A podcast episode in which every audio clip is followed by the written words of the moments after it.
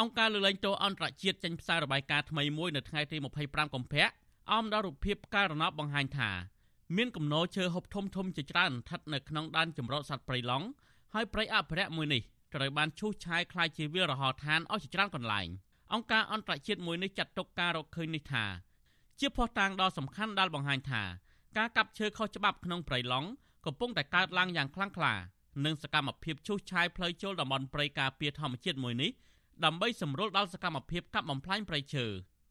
អង្គការលើកលែងទោសអន្តរជាតិលើកឡើងទៀតថាសមាជិកបណ្ដាញសហគមន៍ព្រៃឡង់ភេកច្រើន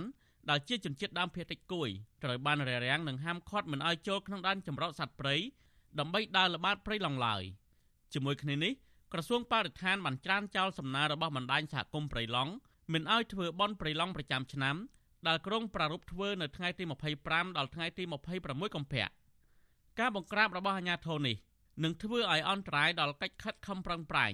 ការពារប្រៃឈើរបស់ជនជាតិដើមភាគតិចគួយប្រធានផ្នែកវិបត្តិនិងបរិស្ថាននៃអង្គការលើកលែងទោសអន្តរជាតិលោក Richard Page-House បានថ្លែងនៅក្នុងសេចក្តីថ្លែងការណ៍នៅថ្ងៃទី25កុម្ភៈថាអាញាធរកម្ពុជារៀបរៀងបណ្ដាញសហគមន៍ព្រៃឡង់និងអ្នកការពារបរិស្ថានមិនឲ្យចុះល្បាតព្រៃឡង់ឯអ្នកកាប់ឈើខុសច្បាប់កំពុងតែបំផ្លាញព្រៃដោយគ្មានទោសទណ្ឌនោះទេ លោកបញ្ជាក់ថាអាញាធរកម្ពុជាត្រូវតែអនុញ្ញាតឲ្យអ្នកការពារបរិស្ថានទាំងនេះបន្តល្បាតព្រៃនិងអនុវត្តការងារដ៏សំខាន់របស់ពួកគេឡើងវិញដើម្បីទប់ស្កាត់ការកាប់បំផ្លាញព្រៃឡង់ដែលជាព្រៃដ៏សំខាន់លើពិភពលោកដែលកំពុងតែប្រឈមនឹងការវិនិច្ឆ័យហិនហោចនេះទោះជាយ៉ាងណាការរកឃើញនឹងការលើកឡើងទាំងនេះក្រសួងបរិស្ថានបានច្រានចោលអ្នកនាំពាក្យក្រសួងបរិស្ថានលោកនេតភេត្រាចាត់ទុកសេចក្តីថ្លែងការណ៍នេះថាធ្វើឡើងក្នុងចេតនាមិនល្អដោយច្រកក្រមស្លាកការពារសិទ្ធិមនុស្ស លោកចោទថាអង្គការលើកលែងទោសអន្តរជាតិតែងតែលើកទឹកចិត្តនិងគាំទ្រដល់ក្រុមដែលលោកហៅថាជនបំពានច្បាប់ឲ្យបន្តប្រព្រឹត្តបទល្មើសលោកបញ្ជាក់ថាបណ្ដាញសហគមន៍ប្រៃឡង់ធ្វើសកម្មភាពក្រមតម្រង់អង្គការមិនមែនរដ្ឋាភិបាលមិនបានចុះបញ្ជីត្រឹមត្រូវនោះទេ ហើយយើងជឿថាសេចក្តីថ្លែងការណ៍ដែលបង្កប់ដោយរបៀបវិរៈនយោបាយទុច្ចរិតរបស់អង្គការលើកលែងទោសអន្តរជាតិនេះនឹងត្រូវបន្ត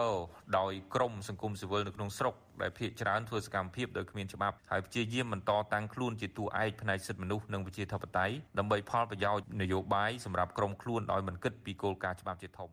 ផ្ទុយពីមន្ត្រីជាន់ខ្ពស់ក្រសួងបរិស្ថានអះអាងនេះសកម្មជនការពារប្រៃឈើវិញអះអាងថា